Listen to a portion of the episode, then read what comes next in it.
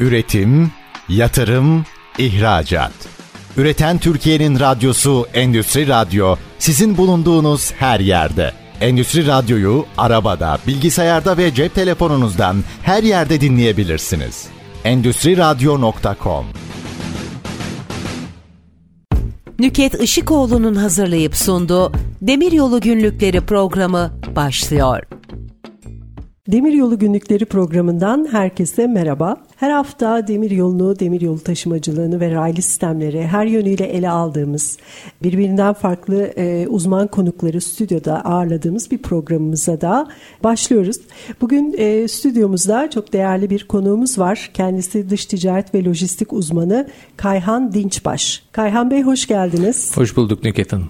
Öncelikle sizi tanıyabilir miyiz dinleyicilerimiz için? Kayhan Dinçbaş, 1973 Gölcük Kocaeli doğumluyum. İki çocuk sahibiyim. 30 senedir lojistik sektörü içindeyim. Tabii e, ben sizi sektörden uzun yıllardır tanıyorum. Sizde bu evet. lojistik macerası, lojistik kariyeri nasıl başladı Kayhan Bey? Lojistik kariyerime üniversiteyi kazandıktan sonra 1993 yılında Karaköy semtinde Veli Alemdarhan'da bir iş yerinde başladım ilk defa.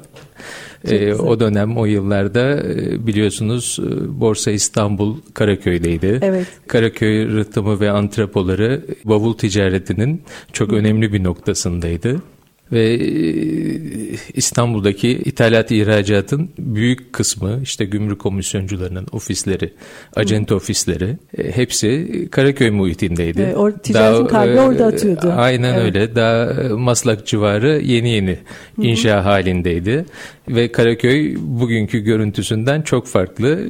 Tam bir ticaret yeriydi. Evet, ticaret merkezi. Ticaret merkeziydi. Orada başladım. Hı hı. Ve ondan sonrasında da bugüne Ondan kadar... sonra e, üniversite hayatım boyunca Hı-hı. ben çalışmaya devam ettim. Hı-hı. Üniversite e, sonlandıktan sonra e, Ciner grubuna girdim. 1997 senesinde İthalat İhracat Departmanı'na eleman olarak girdim. Hı hı. 2022 senesi Mayıs ayında da grubun dış ticaret ve lojistik direktörü olarak emekli oldum. O, Çok uzun o tarih, yıllar. Evet 24 yaşında e, Ciner grubuna katıldım. Hı hı. 49 yaşında Ciner grubundan ayrıldım.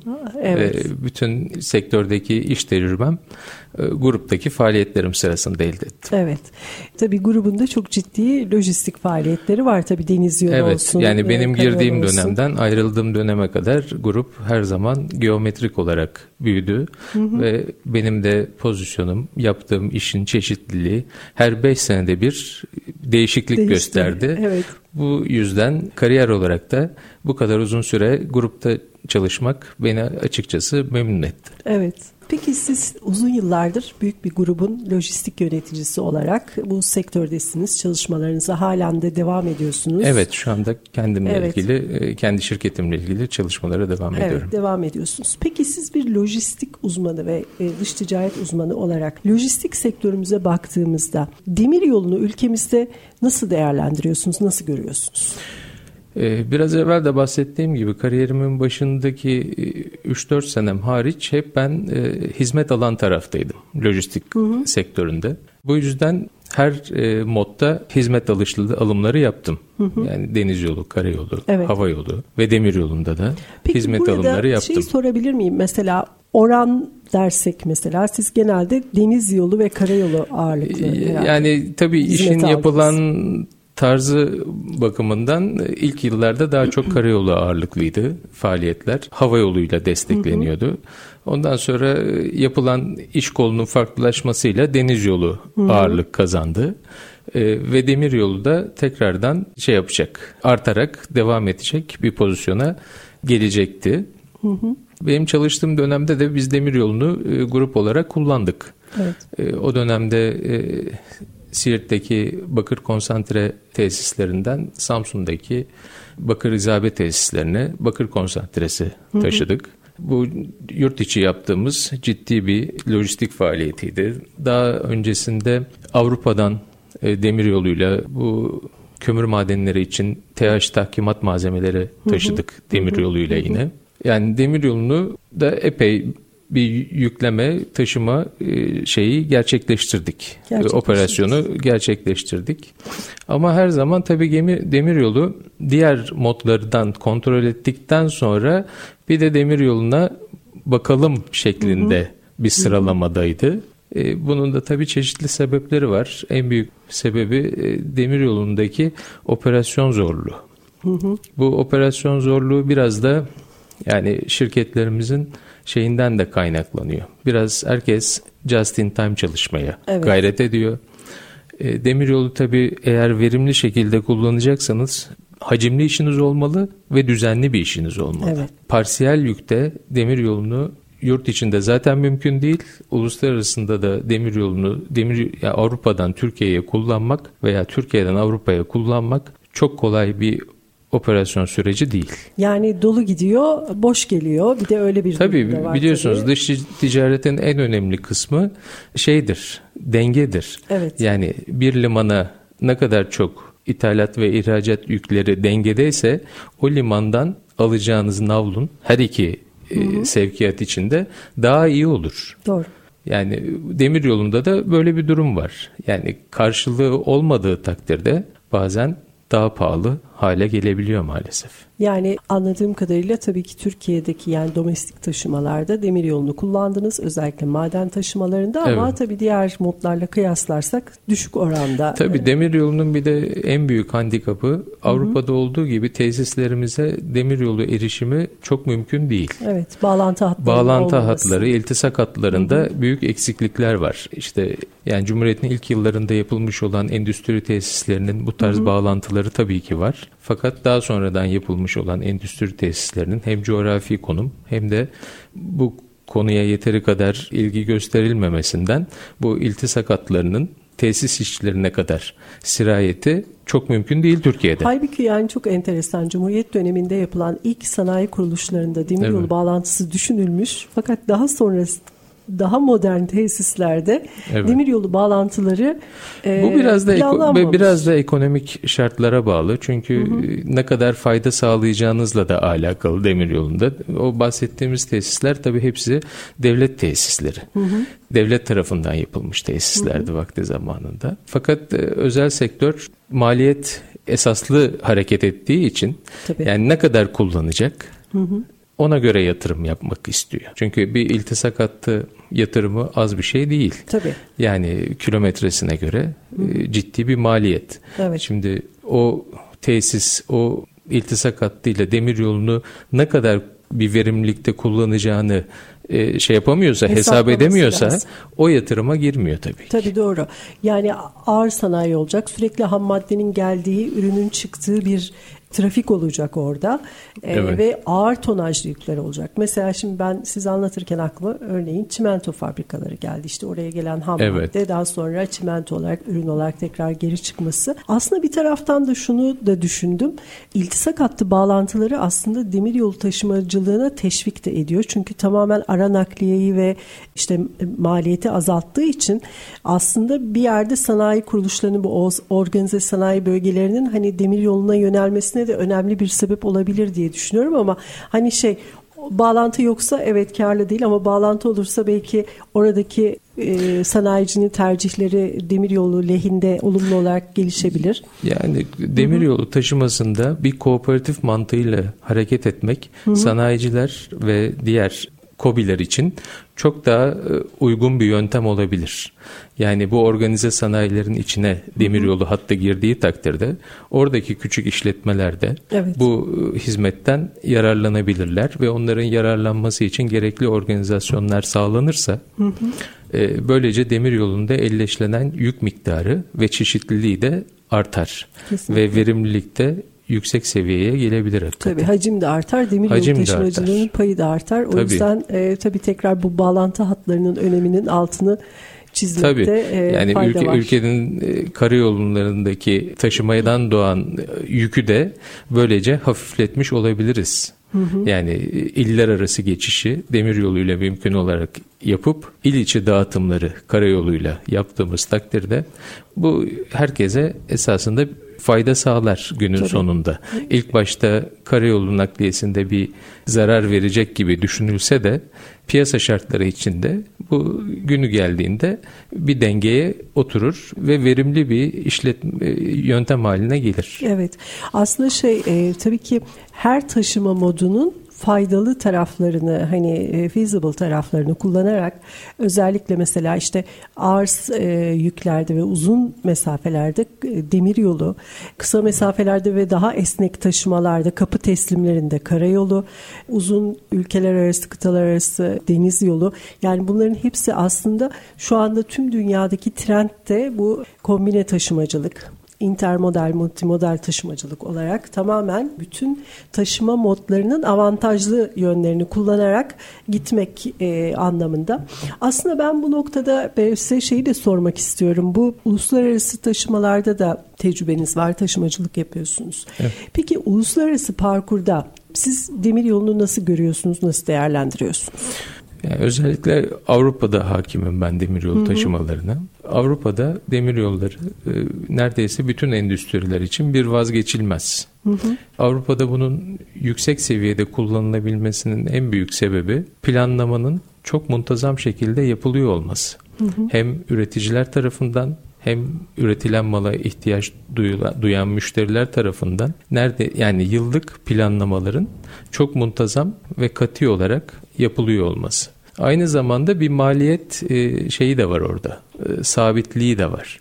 Şimdi zaman zaman ülkemizdeki bu e, akaryakıt üzerindeki ÖTV vergisinin kimi zaman düşürülmesi, kimi zaman yükseltilmesinden dolayı bazen karayolu demir yoluna göre çok çok avantajlı hale geliyor. Çünkü evet. yakıt fiyatları hı hı. düşük seyrediyor. Ama bu bazen de bu şey yapıyor. E, yüksek seviyeye çıkıyor. Böyle olduğu zaman demiryolu tekrar bir avantaj sağlıyor. E böyle olduğu zaman böyle dalgalanmalar olduğu takdirde demiryolunu kullanacak üreticiler veya ticaret erbapları buna uzun süreli bir planla yaklaşamıyorlar. Çünkü ciddi taşıma maliyetlerinde yıl içinde değişim olabiliyor. Bunu öngöremedikleri için geri duruyorlar. Ama Avrupa'da böyle bir şey yok. Yani her şey daha muntazam, daha e, stabil olduğu için planlamalarını yapıyorlar. Gerekli vagon kiralamalarını, hat kiralamalarını yapıyorlar ve bu şekilde taşımalarını gerçekleştiriyorlar. Ve çok da uygun e, maliyet avantajı sağlıyorlar. Evet, özellikle zaten Avrupa Birliği'nin bu ulaştırma politikalarına baktığımız zaman 250-300 kilometreyi geçen mesafelerde demiryolu taşımacılığının kullanılması yönünde çok ciddi bir yönlendirme ve evet. teşvikler var. Biliyorsunuz geçenlerde Hı-hı. Fransa'da da bu pek konumuzla alakalı değil ama bir saatin altındaki yolcu uçuşlarını evet. da e, iptal ettiler. İşte evet. Paris-Lyon uçuşu mesela evet. şey yapılmıyor artık. Uçakla gerçekleştirilmiyor. Evet. Demiryolu kullanıyorsunuz. Ve yani. O da tabii işin bir karbon salımı tarafı tarafı da yani bu Tabii. yeşil mutabakat sürecinin getirdiği bir takım önlemler arasında yer alıyor. İlerleyen e, sürelerde oraya da geleceğiz. İsterseniz şimdi kısa bir reklam arasına gidelim. Reklamlardan sonra Peki. kaldığımız yerden Teşekkür devam edelim. Ederiz. Üretim, yatırım, ihracat. Üreten Türkiye'nin radyosu Endüstri Radyo sizin bulunduğunuz her yerde. Endüstri Radyo'yu arabada, bilgisayarda ve cep telefonunuzdan her yerde dinleyebilirsiniz endüstriradyo.com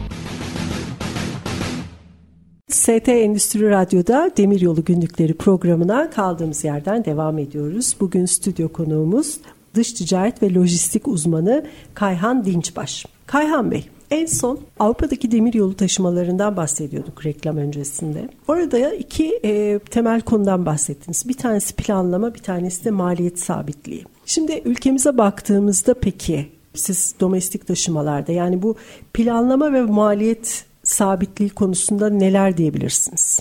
Şimdi planlamamız bir kere en zayıf olan kısmımız. Hı hı. E, çünkü talep çok dalgalı şekilde oluşuyor. Ülkemizin hem avantajı hem dezavantajı ihracat pazarlarına lojistik olarak yakınlığımızdan sebep bizden beklenen hızlı teslimat ve hı hı. küçük partiler halinde hı hı. teslimat. Yani bugün Türkiye'nin Avrupa'da Çin'e karşı en büyük silahı bence lojistik yakınlığı. Hı hı. Ve bu yakınlığını şeyle kullanılması lazım. Yani küçük partilerle hızlı ve ucuz olarak teslim etmesi. Yani gereksiz bir stok maliyetine e, müşteriyi sokmadan istenilen ürünü teslim edebilmesi Türkiye'nin Avrupa için en büyük avantajı evet. diye düşünüyorum. Şimdi böyle bir şeyimiz olunca ihracat yapımız olduğunda yani çoğunluk kısım bu şekilde olduğunu düşündüğünüzde demir yolu ile ilgili bu düzen ve kapasite kısmı çok mümkün olmuyor açıkçası. Ben de aslında hemen peşinden de size şeyi sormak istiyordum. Yani ülkemizde demir yolu taşımacılığı yapmanızın önündeki engeller nelerdir? Siz bir lojistikçi olarak bir operasyon planladığınızda bunu işte deniz, kara tabii ki yükün e, çıkış varış evet. noktası veya cinsine evet. göre bunların hepsi veya süresine göre değişiyor ama diyelim ki demir yoluna uygun bir taşıma geldi önünüze. Bu konuda sizin demir yoluyla yapmak isteyip de yapamadığınız e, karşınıza çıkan engeller neler? Şimdi en büyük engel insan engeli insan kaynağı engeli. İnsan kaynağı, evet. E, çünkü üniversitelerin yeni bölümlerinde bu tarz e, demiryolu lojistiğine e, yönelen e, öğrenciler alınmaya ve yetiştirilmeye başlansa da e, şu anda sektörde bu yeterli sayıda insan kaynağına sahip değiliz. Keza karşı tarafta da özel sektör hızına ve mantalitesine karşılık verecek e, özellikle devlet kısmında da bir insan kaynağına sahip değiliz. Evet. Bu iki kısım karşılıklı geldiğinde kolay iş gerçekleştiremiyorlar. Hı hı. Yani e, şey için özel sektörde e, müşteri olan kısım için demir yolu bir bilinmez, kontrol edilmesi zor bir taşıma modu haline geliyor. Yani Çalışan arkadaş gerektiğinde e-mail ile, telefonla bir kamyonu Hatta e, şu anda konteyner taşıyıcılarının, deniz yolu konteyner taşıyıcılarının yaptığı gibi bir internet portalı üzerinden Takip konteynerini e, adım adım takip Hı-hı. edebilmesine rağmen demir yolunda bu iş daha kısıtlı, evet. daha zor. Yani e, hatta devletle direkt çalışmak çok daha zor hı hı. bu sebeplerden dolayı. E böyle olunca insanlar az bir karlılık gördüğü takdirde bildiği tarafa yöneliyor. Evet.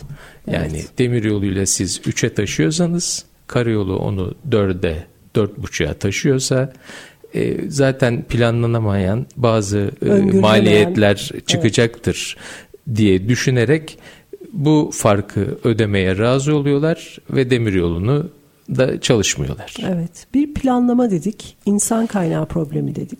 Evet. Peki bu tarifelerle ilgili neler düşünüyorsunuz? Demiryolu tarifeleri fiyatlandırılmasıyla alakalı. Şimdi mesela bir şeyde e, Türkiye'de e, Avrupa'da olmayan konteyner taşımacılığı ile ilgili hı hı. E, bir pozitif ayrımcılık var. Konteynerli hı hı. taşımalarda uygulanan tarife demiryolunda normal bir dökme vagonla veya kapalı vagonla yapılan e, yük taşımacılığına göre ton başına maliyeti daha uygun. Evet daha uygun. Bu kombine taşımacılığı aslında desteklemek için belki yapılmış bir destek ama Tabii e, yani demir yolu açısından baktığımızda ters e, evet, etki yapıyor olabilir. Şimdi e, mesela yani bu kullanılan konteynerlerde esasında hı hı. çok uluslararası standartlarda bir deniz yolu taşıma konteyneri gibi konteynerlerde değil. Yani hı hı. çok standartları belirlenmiş konteynerler değil. Sadece demir yollarında gabari ölçülerine uygun olarak imal edilmiş Konteyner. e, konteynerler. Yani bir sertifikasyonları çok olan konteynerlerle çalışmıyoruz bu işte. Hı hı. Ama bazı ürünler var ki dökme vagonuna taşınabilecekken konteynerize oluyor bu tarife yüzünden. Bu da esasında bir fayda sağlamıyor. Baktığınız zaman işte bir e, vagonda toplamda 55 ton taşıyorsanız bunu iki konteynerle taşıyorsanız bunun 5 tonu konteyner arasına gidiyor. E sizin faydalı yükünüz 50 tona düşüyor. Ama aynı uzunlukta bir alüminyum dökme vagonla 70 metrekübe kadar şey yapabiliyorsunuz. Evet. Ürün taşıyabiliyorsunuz. Yani özgür ağırlığı 1'e eşitse 70 ton. Evet. E işte bizim basar ağırlığımız 90 ton deseniz. Hı hı. Yani 70 ton kapasiteli bir şeyde 60 ton, 65 ton hı hı. taşıyabilirsiniz. E bu da nereden baksanız %10 Doğru. 15'e yakın avantaj, avantaj sağlar. sağlar. Artı elleşleme kolaylığı sağlar. Şimdi hı hı. konteyner dediğiniz zaman işte hem boşaltma istasyonunda hem yükleme istasyonunda işte portal vinçler hı hı. veya reach sticker denen konteyner elleşleme ekipmanları. Evet. Bunlar ucuz makineler değil. Tabii. Yani hem ilk yatırım maliyetleri çok yüksek makineler hı hı. hem de işletme maliyetleri çok yüksek makineler. İş güvenliği içinde çok Tabii. problemli makineler. Evet yani gerekiyorsa tabii ki kullanılıyor bunlar ve kullanılacaktır da. Hı hı. Ama mesela dökme bir ürün için dökme vagonla taşımak çok daha uygundur. Hı. Çok daha otomasyona müsaittir. Hem tonajı Ama arttıracak hem, hem tonajı arttırır hem operasyon kolaylaşır. Ama bu tarife sisteminden dolayı bu uygulanamıyor. Evet uygulanamıyor. Herkes konteynere yöneliyor. E, Ve ülkemizdeki vagon e, çeşitliliği de azalıyor. Evet o da aslında e, hemen takibinde soracağım sorulardan bir tanesiydi. Şimdi vagonların çeşit çeşit vagonlar var. İşte evet. e, akaryakıt vagonları var, platform vagonlar evet. var, habis vagonlar evet. var. Türkiye'deki vagon filomuza baktığımız zaman siz ihtiyaçlarınızı karşılayabilecek vagonu temin edebiliyor musunuz? Hayır. Mesela tır dorsesi Hı-hı. taşıyabilen vagona bence Türkiye'nin çok ihtiyacı var. Fakat böyle bir vagon Rola e, vagonu mu demek evet, istediğiniz? Evet. Bu hani şeyi yüksek olan, e, şey evet. alçak olan pardon. Evet, e, içine tır platform platformdan girip çıkabilen Hı-hı. tırın Hı-hı. yüklenebildiği Hı-hı. dorsesin. Yani dorse taşımacılığını nasıl Roro ile bugün işte evet. İstanbul Pendik'ten, Çeşme'den evet. nasıl Roro ile sadece dorse taşıyoruz. Hı-hı. Yani iller arasında biz trenle dorse taşıyabiliriz. Tabii. Ve bu çok faydalı bir şey olur. Fakat bu tarz vagonlar elimizde yok. Bunların kiralanması, getirilmesi, kira yoluyla bile getirilmesi, müsaadelerinin alınması çok zor. Evet şu anda çok zor. Bir ara sanıyorum 2006 yılı mı 2008 yılı mı o civarda yanlış şey yapmayayım. TCD'nin bir Halkalı ve Avusturya Wels şehri arasında bir rola evet. tren seferi konulmuştu. Fakat çok uzun soluklu olmadı bu. Sanıyorum talep mi alamadı ya da başka engeller mi çıktı? Bir süre sonra e, bu hat seferden kalktı.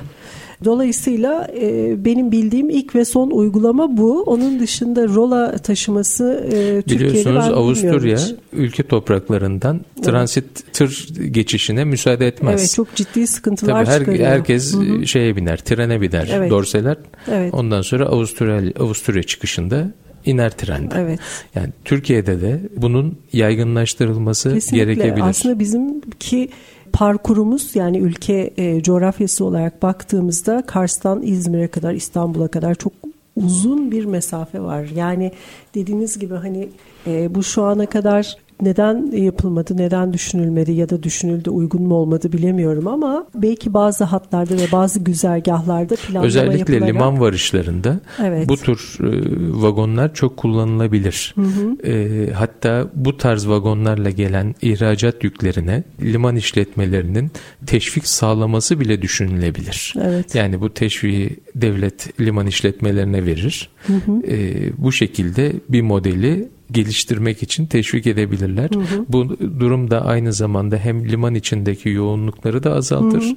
hem de karayolundaki yoğunluğu da azaltır. Hı hı. Ve şeydeki o ilk çıkış noktasındaki elleşlemeyi de ortadan kaldırır. Evet. Dorsa nakliyesi. Evet, kesinlikle. Veya dorseyle tekrar gemiye binip mesela Avrupa'ya gidecekse evet. Türkiye'de de karayolunda gitmemiş olur. Tırlar. Evet, doğru aslında bu konuda üzerinde böyle e, fikir yürütülecek, e, yapılacak bir sürü e, iş var.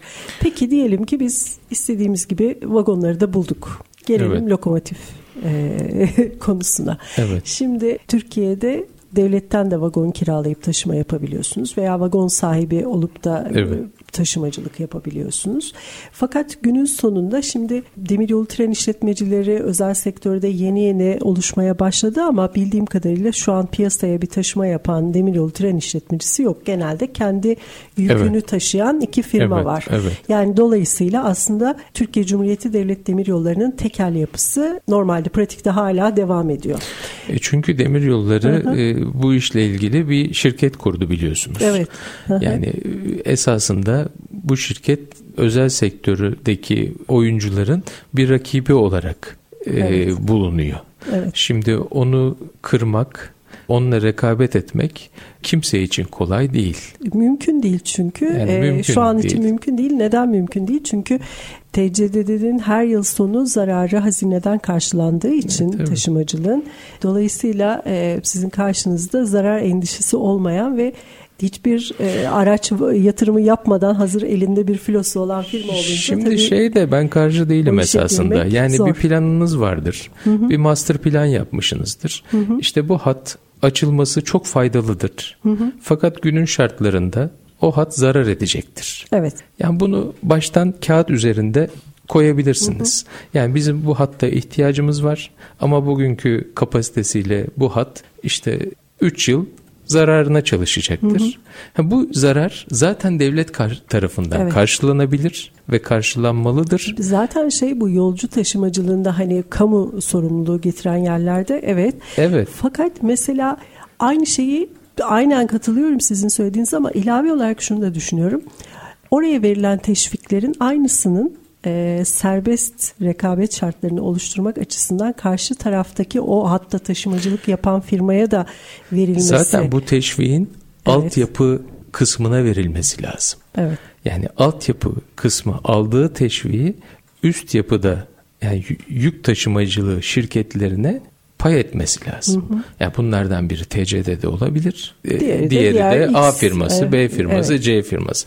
Ama mühim olan yani kamu faydası o hattın işletilmesi, o hattın orada bir mevcudiyet kazanmasıysa hı hı. bunu devlet zaten dediğim gibi bir hesap yapılır. O hesap çerçevesinde karşılar. Hı hı. Ondan sonra o hat zaten şeyini getirir. Evet. Yükünü getirir, Fayda faydasını getirir. Dolaylı fayda da sağlayabilir. Yani aynen, sadece aynen. o mali Orada olarak Orada bir trafik değil, sıkışıklığını tabii. açıyorsa Evet. Orada harcanan mazot da da bir faydadır. Evet, çevreye etkisi. Çevreye etkisinde trafik de kazalarına trafik etkisi. kazalarına bir etkidir. Aa, evet. Yani bu devlet tarafından bu tarz ağır yatırımların devlet tarafından karşılanması bence hiçbir sakıncası yok. Ama mühim olan hesabı doğru yapmak. Doğru. Doğru. Aslında e, şimdi baktığımız zaman mesela bizim e, 12. kalkınma planı olsun, ulaştırma master planlarına olsun demir yolu çok önem verilmiş bir konu. Çok ciddi bütçeler ayrılmış. E, bununla ilgili çok ciddi projeler var. Yani biz aslında şu anda bu master planlara ve kalkınma planlarına uygun zaten bir hareket e, planlarsak şey çok güzel. Hedef koyulan hedefler çok güzel. E, Ulaştırma Bakanımızın da bu konuda açıklamaları var. Yeni birkaç hafta önce ben televizyonda izledim. Özellikle demir yolu konusunda %4'lük payı %22'ye çıkarılması konusunda e, hedefler konuldu. Ama bu hedefler Hı-hı. ölçüsünde de bilgilendirmenin kat be kat fazla olması lazım. Ve e, o hedefe ulaşmak için yapılması gereken bütün yatırım, insan kaynağı, e, araç, e, makina ekipmanları hepsinin bu hedefe ulaşmak konusunda önemli bir şekilde planlanıp yani hayata geçirilmesi lazım. Bu sektöre ait e, sivil toplum kuruluşlarının bence en büyük hizmeti bu tarz e, bilgiyi muhataplarına süratli ve anlaşılır şekilde ve tekraren Peki. iletmesidir. İşte ben o işi yapıyorum. evet, evet. Şimdi evet. kısa bir reklam arasına gidelim. Ondan sonra Peki, devam ediyoruz. Üretim, yatırım, ihracat. Üreten Türkiye'nin radyosu Endüstri Radyo sizin bulunduğunuz her yerde. Endüstri Radyo'yu arabada, bilgisayarda ve cep telefonunuzdan her yerde dinleyebilirsiniz. Endüstri Radyo.com ST Endüstri Radyo'da Demiryolu Günlükleri programına kaldığımız yerden devam ediyoruz. Stüdyo konuğumuz dış ticaret ve lojistik uzmanı Kayhan Dinçbaş. Kayhan Bey siz programın başında da belirttiğimiz gibi çok uzun yıllar lojistik sektörü içinde profesyonel olarak yer aldınız ve hala da çalışmalara devam ediyorsunuz. Sektörün evet. içinde olan bir insansınız. Evet. Sizin görüşleriniz bu noktada tabii benim için çok önemli. Teşekkür ederim. Ee, şu anda sizin müşterileriniz demir yolunu tanıyor mu? Demir yolunu herkes tanıyor ve herkes çalışmak istiyor. Herkes de çok seviyor değil mi? Ama uzaktan herkes seviyor. Çünkü ben kimle konuşsam aa demir yolu trenler. Her, herkesin hayali. Evet, Orient Express, Kars Express'i, ay diyorlar çok güzel karlı falan. Yani herkes de demir yolu çok böyle hoş duygular oluşturuyor duyduğu zaman. Tren sevgimiz zaten bizim yani kültürümüzde de Anadolu kültüründe evet. de o trenler her zaman ya gurbete uğurlanır ya birisini karşılarsınız askere giden evet. trenle gelir. Dolayısıyla evet. hepimiz için çok güzel duygular. O, o iş emrini ilk iş emrini verdikten sonra evet. rüyadan uyanıyorsunuz. İşte ben o uyanışla alakalı sizin görüşlerinizi almak istiyorum. Şimdi bir karayolu evet. taşıması yaptığınız zaman yurt, yurt içinde aşağı yukarı e, transit süresini e, biliyorsunuz. Hı hı. Yani e, aşağı yukarı başına gelecek şeyleri de biliyorsunuz. 3 aşağı 5 e, Oluşabilecek evet. olumsuzlukları da biliyorsunuz. Ve işte bugünkü teknolojik şartlarda aracı an be an uydudan takip edebiliyorsunuz. Cep telefonunuzdan hı hı. takip edebiliyorsunuz. Ama demir yoluna geldiğinde bu iş böyle değil. İşte atıyorum siz e, bir blok tren çıkarttınız. Bu hı hı. yani büyük bir ölçek. İşte bu trenin bir tanesi Bozüyük'te kesiliyor şeyden, Katar'dan.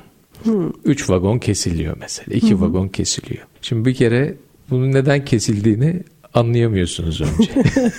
o an ondan, demek ki Ondan sonra tabii başlıyorsunuz telefonla e, telefon trafiğine. Hatta şeye kadar ulaşmaya çalışıyorsunuz. İşte Bozüyük'teki demiryolu e, şefine kadar buluyorsunuz yani bir şekilde ulaşıyorsunuz buluyorsunuz. Ne oldu bizim trene? İşte trenin bujisinde arıza oldu. Şurasında freninde bir şey oldu. Yani e, normal bir ne diyeyim müşterinin hı hı. E, çok öngöremeyeceği ve ne zaman sonuçlanacağı, ne zaman düzeleceğini hı hı. bilmediği bir problemle karşı bir karşıya kalıyorlar. Bir sürece giriyorsunuz. Evet. İşte atıyorum 12 vagon yüklemişsiniz. Hı hı. 9'u gelmiş, 3'ü yok. E bu ihracat yükü de olabilir. Tabii. Bu belki vagondan inecek, konteynerize olacak, gemiye Gemiyle yetişecek, devam edecek. gidecek. E şimdi akretifli olabilir bu işlem. Evet. Şimdi akretifte sizin e, belli oranlarınız vardır eksik veya Hı-hı. fazla yükleme ama bu oranları aşıyor olabilirsiniz. Hı-hı. E, yüklemediğiniz takdirde diğer 9 vagonun konteyneri orada hazır olmuş. Onları yüklerseniz limanda bekletirseniz Mevcut gemiyi kaçırıyorsunuz. O bir sonraki değil. gemi belki bir hafta sonra. E, bekleyecek o arada e, bir e, ardiyesi oluşacak. Ardiyesi, ardiye masrafı oluşacak. E sizin nakit akışınız bozulacak. E, o akretife ihtiyacınız var. E, belki karşı tarafa taahhüdünüz var. Evet. Yani belki son sebep şey binmesi gereken gemi buydu. Yani hı hı. akretifinizin tarihine uyan, son yükleme tarihine uyan gemi oydu. Evet. E bu sefer akretif pospon oluyor. Doğru. Bu sefer müşterinize gidiyorsunuz. Akretifimi işte emendet diyorsunuz. Değiştir. Hı hı. İşte tarihi uzat. E adam uzatmadı. Evet. Mal elinizde kaldı. Şimdi bu bir bu, ihracatçının evet, bu yaşayacağı en büyük kabus bence. Bence de. Ve o arkada kalan 3 vagonun ne zaman geleceğini size kolay kolay kimse söylemiyor. Evet. Yani yarın gelir, 3 gün sonra gelir, 5 gün sonra gelir. E bunları bilmediğiniz zaman hı hı şeye bakmıyorsunuz. Maliyete bakmadan en emin gördüğünüz taşıma şekliyle devam ediyorsunuz. Evet. Ve bir daha da şey yapmıyorsunuz. Ee, kolay kolay demir yoluna geri dönmüyorsunuz. Evet. Aslında şimdi bu anlattıklarınızı dinlediğim zaman ben bunu şöyle yorumladım. Türkiye'de demir yollarının serbestleşmesiyle alakalı bir kanun çıktı. Evet. Şimdi biz tabii ki Türkiye'de şu anda da ana aktör devlet. Yani evet. devlet demir yolları. Ve dolayısıyla tabii ki yani objektif bakmak gerekirse e, bir özel sektör dinamizmi kamuda her zaman olmuyor tabii ki. Evet. Yani bu da çok aşikar bir konu. E, şimdi bu serbestleşme kanunun zaten çıkış amacı da buydu özel sektörün demir yolu taşımacılığına girmesi ve bu demir yolu taşımacılığının çok daha verimli bir şekilde yani insan kaynağı olarak da araç ekipman yatırımı olarak da ve bu sizin az önce belirttiğiniz mesela lojistiğin her alanında zamanında teslim, zamanda hareket, just in time dediğimiz yani her şey tam zamanında e, yapılması gerekiyor. Ve bunu demir yolunda biz ancak özel sektöründe bu işe girip bütün bu verimlilikleri, bütün bu aktarmaları işte vagon bakımlarını, o e, işte bojide mi sıkıntı olduğu, rayda mı sıkıntı olduğu bunların hepsini öngörebilecek, planlayacak ve gerektiğinde absorbe edebilecek bir sistemi kurabilecek duruma getirmesi için zaten bu kanun çıktı aslında baktığımızda ve bu kanun çıkalı da 10 seneyi geçti şu anda. Fakat programın ikinci bölümünde de belirttiğim gibi özel sektör şu anda beklenildiği kadar e, demir yoluna girmedi. Ama mesela bir taraftan da düşünüyorum e, bu müşterilerin yani demir yoluna yük taşıtacak olan lojistikçilerin veya yükü olan e, işletmelerin aslında bu e, sebeplerini ortadan kaldırabilir özel sektör girdiği zaman. O yüzden burada serbestleşmenin tekrar altını çizmek istiyorum. Mesela siz de tabii ki piyasadasınız. Serbestleşmeyi biliyorsunuz. Türk Demir Yolları'nda bir serbestleşme kanunu çıktı. Peki siz mesela ne benim, umdunuz benim ne bekle, buldunuz? Benim beklentim serbestleşme ha, kanunuyla onu, evet, yani biliyorsunuz istiyorum. bu dediğiniz gibi 10 yıl oldu. Evveliyatındaki çalışmalarda tabii, da tabii. bulundum evet. zaman zaman. Bu kanundaki beklentim benim devletin tamamen altyapıya çekileceği hı hı. ve üst yapının belki de bir blok özelleştirme şeklinde hı hı. yeni bir özel sektör firmasına veya firmalarına hı hı. devredilmesi yönündeydi. Aslında Avrupa'da örneklere baktığımız zaman tabii mesela Do- devletin e, şey olduğu gibi evet. duruyor ama evet. tabii ki kendi karından ve zararından sorumlu. Yani bizdeki gibi hazineden zararı e, finanse evet. edilmiyor. Ama onun dışında birçok özel hem yolcu alanında hem yük alanında özel demiryolu tren işletmesi firmalar çıkıyor. Hepsinin tarifeli trenleri oluyor, taahhütleri oluyor ve e, zamanında işte teslim burada Tabii Nükhet Hanım, öne bu biraz çıkıyor. da ekonomiyle alakalı. Evet. Yani sizin demiryolu ekonominizle alakalı. Hı hı. Yani bizim şu anda bahsettiğimiz gibi bir şirketin yani veya böyle bir özelleştirmenin gerçekleşebilmesi için e, aranan bazı hacimler hı hı. ve cirolar var. Hı hı. Şimdi Türkiye bunları sağlayamadığı için hı hı. belki de böyle bir talep alamadı. Çünkü demiryolu ağır hı hı. bir yatırım. Tabii ağır bir yatırım zaten. Ağır bir yatırım olduğu için. O noktada e, dediğim gibi hani daha önce de söylediğim gibi devletin taşımacılık firmasının zararı karşılandığı müddetçe zaten kim karşısında durabilir ki? Yani e, siz düşünsenize karşınızdaki rakibinizin hiçbir zarar endişesi yok. E, Vallahi yatırım bunu, endişesi bunu sektör yok. içindeki o yüzden, büyük firmaların yani bunu tabii belki bir ütopya olarak konuşuyoruz hı hı. bunu şu anda. Hı hı.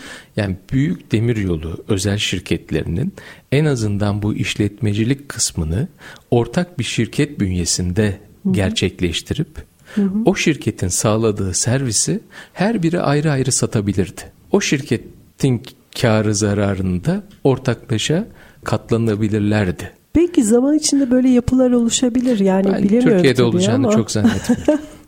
Yani biz e, kolay evet. kolay e, ortak hareket edemiyoruz. Evet yani evet o konuda da bir e, doğru özellikle ticari konularda ticari da konularda. E, öyle bir durum var. Yani çünkü bir satın alma işidir bu bana sorarsanız.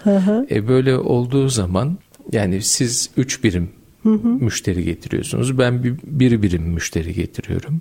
Ama biz ortak olursak belki hacim altı birim olacak. Ama siz üç birim iş yaptığınız için hı hı. o ortaklıkta bir ayrıcalık istiyorsun. Sanki bana sizden bir fayda geçiyormuş gibi hissediyorsunuz hı hı. ve bunu ıı, kabul etmiyorsunuz. Aslında yani, ortak faydanın gözetilmesi evet, lazım. Burada. Evet. Yani evet. E, sonuçta bütün bu e, Demiryolu Günlükleri programında da yaptığımız bütün hani daha önceki programlarda da günün sonunda aslında söylemek istediğimiz şu. Demiryolu e, bu ülke için çok önemli bir konu. Evet. Yani bizim insanımız için, ticaretimiz için, ekonomimiz için, uluslararası bağlantılarımız için, lojistiğimiz için, dışa bağımlılığımız, evet, hava, evet. hava kirliliğinin önlenmesi, trafik kazalarının önlenmesi, evet. petrol bağımlılığı bizim şu an en büyük cari Biz açığımız. Kaynakları petrol. maalesef kıt bir ülkeyiz. Evet. Bunu bilmeliyiz, bunu kabul etmeliyiz ve bunu avantaja çevirecek aksiyonları canı gönülden alabilmeliyiz. Evet.